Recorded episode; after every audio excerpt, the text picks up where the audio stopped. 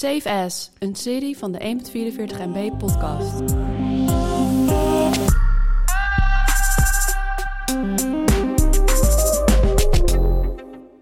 Oké, ligt het aan ons of waren er dit jaar ineens heel veel kwalitatieve artikelen? Het lijkt alsof de journalistiek helemaal richting de longreads is gegaan en dat het bloggen weer is opgepakt alsof het het jaar 2000 is. Dit zijn de artikelen die wij in onze pocket hebben gestopt en met jullie moesten delen. Nummer 5.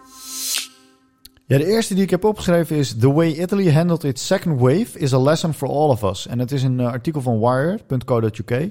Dus dat is de Engelse variant van uh, de, of sorry, de uh, Verenigd Kingdom variant van de, ja, want Wired.com is ook Engels, versie van de Wired. Ja. Maar die schrijven echt andere artikelen. En die hebben gekeken naar wat we kunnen leren van, van, van Italië in die eerste golf. Zeker een aanrader. Mooi. Ik heb uh, opgeschreven: choose a highlight to make time every day. En dat gaat erover dat je uh, van tevoren in de ochtend moet nadenken over wat je dag gaat maken. Oh ja. Dus stel dat je terugkijkt of vooruitkijkt op je dag. Wat, moet dan, wat is dan hetgene waar je van je denkt: oké, okay, als ik dat ga halen, dan is dat echt het meest fantastische. Uh, dus eigenlijk gewoon het inplannen van één ding wat de dag fantastisch moet maken. Nummer 4. Voor de hardlopers onder ons heb ik op nummer 4 Why Running Won't Ruin Your Knees. Uh, iets waar ik al heel vaak over heb gelezen. Van is het nou slecht voor je knieën of niet? Of hoe moet je dat nou doen? Moet je veel of weinig demping hebben?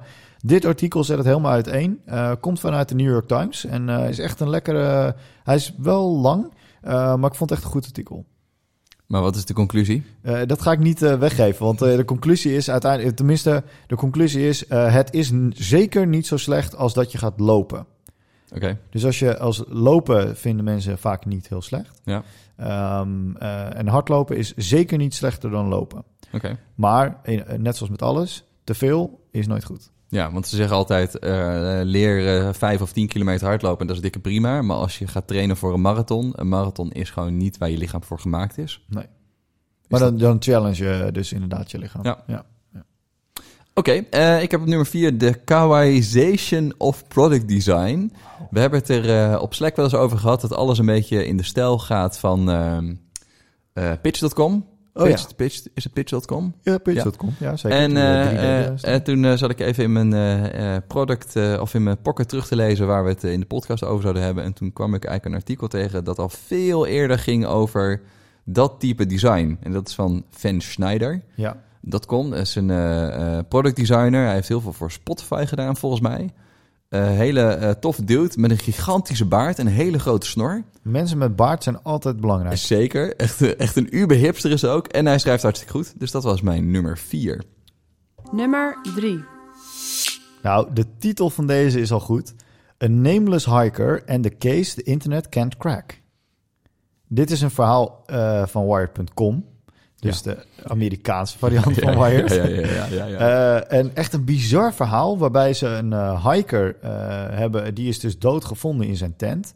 En heel veel mensen hebben die hiker gesproken. Hij heeft ook een soort van, um, noem je dat, een nickname. Want dat schijnt heel normaal te zijn in de hikerwereld. Okay. Dat je dus ontsnapt aan de realiteit en dat je een, een, een pseudoneem neemt. hij, er zijn geen aanleidingen waarom die dood is. Dus er is geen... Uh, geld van hem gestolen. Hij geen, geen, uh, geen, geen streamen, geen, geen beren. Ook geen beren. Nee. Uh, nee. helemaal niks. Maar niemand weet wie het is. Oké. Okay. En het internet is er nu achteraan aan het gaan. Dus het internet heeft nu een, een DNA-research gecrowdfund... waardoor ze kunnen zien uit welk deel van Amerika die komt. Cool. Uh, we zijn al maanden bezig om te zoeken. Het deed me een beetje denken als uh, die Netflix-serie over Don't Fuck With Cats. Was ook Ja. helemaal achter die dader aangaan. Ja. Maar dan op de positieve manier. Ze willen Ja. weten wie dit is om dan zijn familie te vertellen. Nice. Even kijken. Ik heb op uh, nummer 3 staan... The Five Levels of Remote Work and Why You're Probably at Level 2. Uh, dit is wel echt een, uh, echt een fijn stuk. Het is geschreven door... Oh, ik ben heel even kwijt, want ik heb dat niet in mijn noot staan. Het is geschreven door een bedrijf op, op Medium... dat al heel ver is in remote work. En waar het eigenlijk over gaat... is dat je vijf levels hebt. Hè, dus vijf... Um, um, ja, niveaus. vijf niveaus. Dat is inderdaad het goede. Het, hij heet overigens Steve. Steve Glaveski. Steve Glaveski. En het gaat over de vijf niveaus van remote work en hoe je eigenlijk kan groeien naar eh, wat hij eh, noemt eh, het nirvana. En daaronder zit het asynchroon communiceren. Ja, En dat kijkt heel erg naar eh, de techbedrijven die het al heel lang heel goed doen. En eh, het schrijft eigenlijk op een goede manier uit eh, hoe je daar beter in kan worden.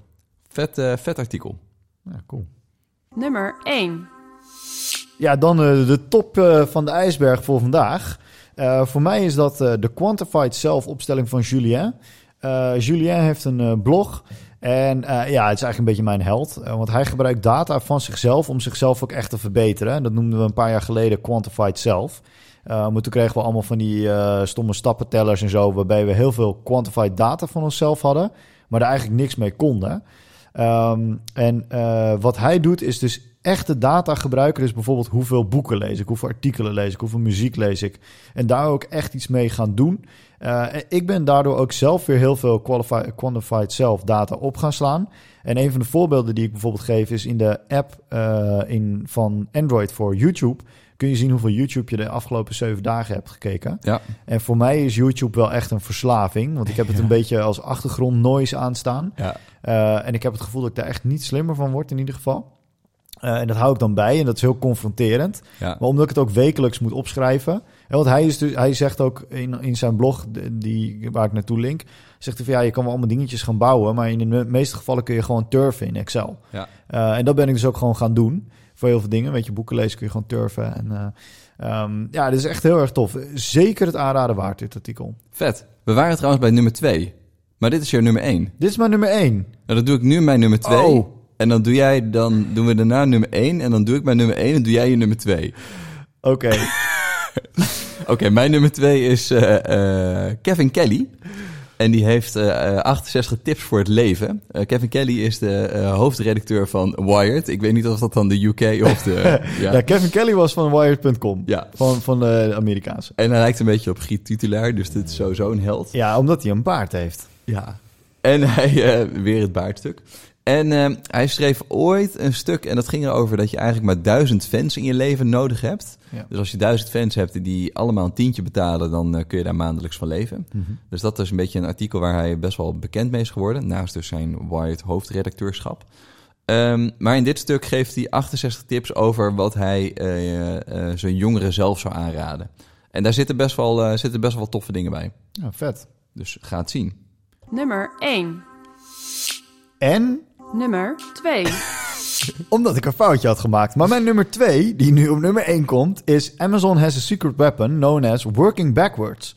Um, en het- het is bizar. Ik had er nog nooit van gehoord. Uh, en het is zo simpel en slim dat ik het echt nooit meer kan vergeten.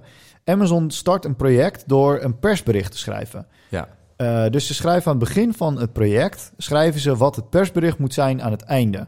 En in een persbericht schrijf je ook altijd parameters of metrics uh, die het project succesvol maken. En daardoor heb je eigenlijk gelijk voor je hele project heb je een soort van dashboard en vergeet je ook alle clutter om je heen. Uh, dus een app begint vaak met het login-scherm, maar is helemaal niet het belangrijkste. Dus als jouw app uh, bijvoorbeeld een bepaald product moet verkopen, moet je eigenlijk beginnen met hetgene waarmee je kunt verkopen. Want dat is de belangrijkste metric in jouw uh, persbericht. En uh, de manier waarop dat in het artikel wordt omschreven is, is zo eenvoudig dat je denkt: ik snap niet waarom ik dit niet helemaal doe. Ik pas zelf zoiets toe op sprints. Dus aan het begin van iedere sprint begin ik met het einde van de sprintpresentatie. Dus wat wil ik daarin presenteren? Maar dit is gewoon nog veel beter. Dus dit kan ik echt iedereen aanraden. Nou, tof, tof, uh, tof hack. Ja, echt heel tof. Ik heb op nummer 1 staan... When you browse Instagram and find former Australian Prime Minister Toby Abbott's passport number. Het gaat om een dude die, uh, die schrijft op mango.pdf.zone. Ik kende het nog niet. Nee, ik ook niet. Maar ik las het stuk... En ik, ik heb me echt de bal uit mijn broek gelachen. Ik vond het zo'n fantastisch... hilarisch. Het is, uh, het is een long read over hoe hij eigenlijk met, uh, uh, op basis van een Instagram-foto, waar eigenlijk veel te veel, waar, waarbij hij erachter komt dat er veel te veel informatie op een paspoortnummer staat. Nee, sorry, op een boardingpas. Ja. En dat hij daardoor kon inloggen en kon achterhalen wat zijn paspoortnummer was. Nou, allemaal rare dingen. En het is gewoon zo lekker geschreven. Uh, dit is denk ik het artikel wat ik ook het meest met mensen gedeeld heb. Zo Ja. van, jongens, lees dit, want het is, het is echt super grappig. Eh, nou, dat. Le- Aanradertje. lees hem niet in je pocket, want de afbeeldingen zijn heel belangrijk. Oké, ja. Lees hem dus in je browser. Ja, want hij is veel, eh, dan is hij echt veel leuker. Ja. Nou, te gek. Dat was hem. Save As, een serie van de 1.44 MB podcast.